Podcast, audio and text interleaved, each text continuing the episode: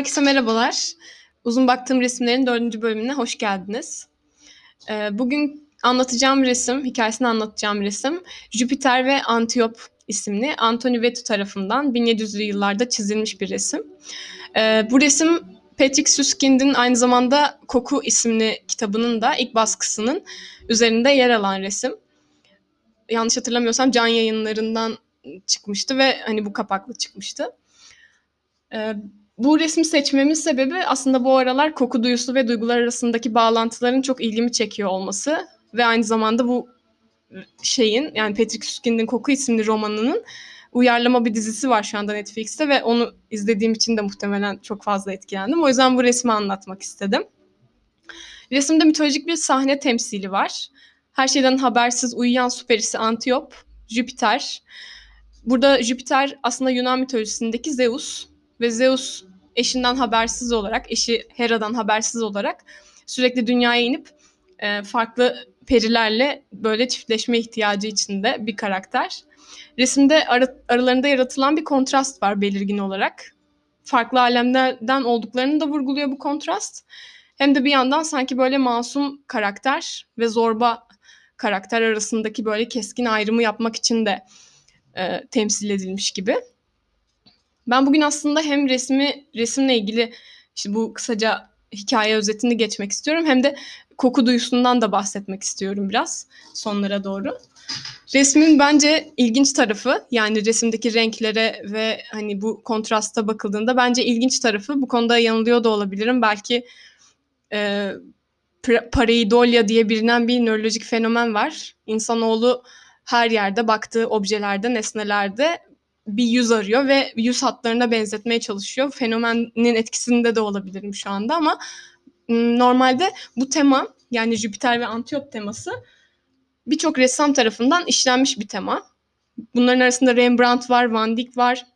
Hep aynı şekilde Jüpiter ve Antiyop çizilmiş. Bu, bunun yanı sıra yanlarında bir bebek de var. Yani bu ilişkiden bu ilişkinin meyvesi olan bebeği de sürekli resimlerin içinde görüyoruz. Diğer o tabloların içinde de görüyoruz. Burada da bence e, bir bebek var ama sanki gizlenmiş gibi. Annenin altındaki karanlığa yani Antiyop'un altındaki karanlığa gizlenmiş gibi. Uzandığı şiltenin altında böyle e, belli belirsiz hani iki göz, küçük bir burun, ağız ve saçlarını görüyorum.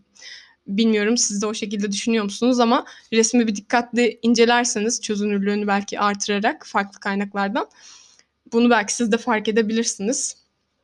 Hani böyle bir bir şey aklıma geldi. Ama okuduklarımdan ve dediğim gibi bu pareidolia etkisinden de kaynaklı olabilir bu söylediklerim. Ben böyle bir bilgiyi hiçbir yerde okumadım çünkü. Koku romanına dönecek olursak burada ana karakter Grenoble ve doğum sırasında annesinin oturduğu balık tezgahının altında altına bırakılıyor ve ölmeye terk ediliyor aslında. Devamında kitabın devamında sonra annesi bu e, bebeğini öldürmeye çalıştığı için idam ediliyor ve yalnız bir karakter olarak yetimhaneye bırakılıyor. Ardından yıllar geçtikten sonra her şeyin keskin bir şekilde kokusunu duymaya başlıyor ve bu kokuları birbirinden ayırt etmekle ilgili çok değişik bir dürtüye maruz kalıyor ve bu dürtünün üstesinden gelmesi aslında arka arkaya böyle kadın cinayetleri işleyerek ve insanlardan koku çıkartarak bu dürtünün üstesinden gelmeye çalışıyor. Yazar belki bu kitabı yazarken bu resimden tabii ki esinlenmemiş olabilir. Bunu bilmek zor ama e, ressam yani normalde bu kitap zaten 1900'lü 1980'li yıllarda yazılıyor. Resim 1700'lü yıllardan. Bu resimden esinlendi mi esinlenmedi mi bilmiyorum ama e, bu ressam yani Anthony Vetu e, Fransa'da çiziyor bu resmi ve Fransa'nın ve Avrupa'nın en pis kokan dönemlerinden birinde çiziyor aslında. Yani bahsedilen hani bahsedilen koku kitabında bahsedilen zamansal olarak bahsedilen zamanla örtüşüyor. 1700 ve 1800'lü yıllarda özellikle Fransa, Londra, İskoçya gibi ülkelerde yıkanmanın hastalıklara sebep olabileceği düşünülüyor ve e, böyle dışkıyla ilgili ve kanalizasyon sistemleriyle ilgili de genel bir sorun var. Ve bu burada insanlar sürekli dışkılarını hem camdan sarkıtarak hem işte dışarı atarak ya da sokakta at, akıtarak e, bu ihtiyaçlarını gideriyorlar. Hatta dönemin moda anlayışını, estetik anlayışını bile etkiliyor bu durum. İşte bu kabarık arkası kabarık olan etekler ayakta ayakta bu işlemi yapabilmek için.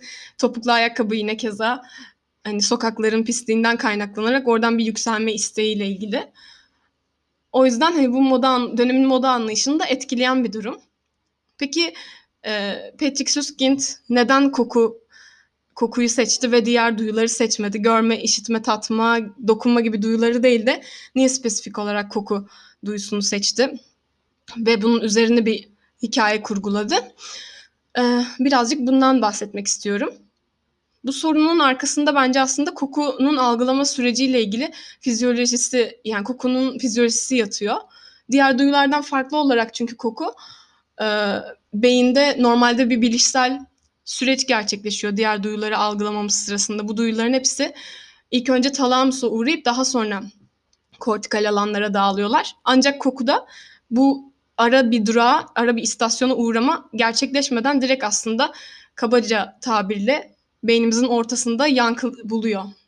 Koku aldığımız zaman, bir şeyin kokusunu duyduğumuz zaman. Diğer duyulardan farklı olarak bir ara durağa uğramıyor kısacası.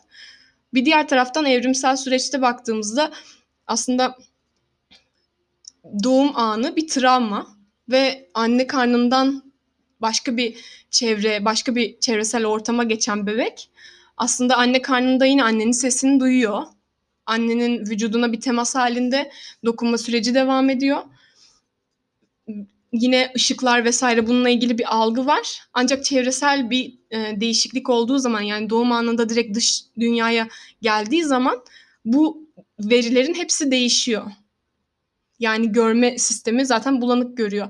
Ya da işte teması o anda anneyle temas kuruyor tabii ki ama yine farklı bir çevrede temas kuruyor. Artık annenin içinde değil, annenin dış derisine temas ediyor. Yani burada bütün koku dışında geri kalan bütün bu dört duyumuz da farklı.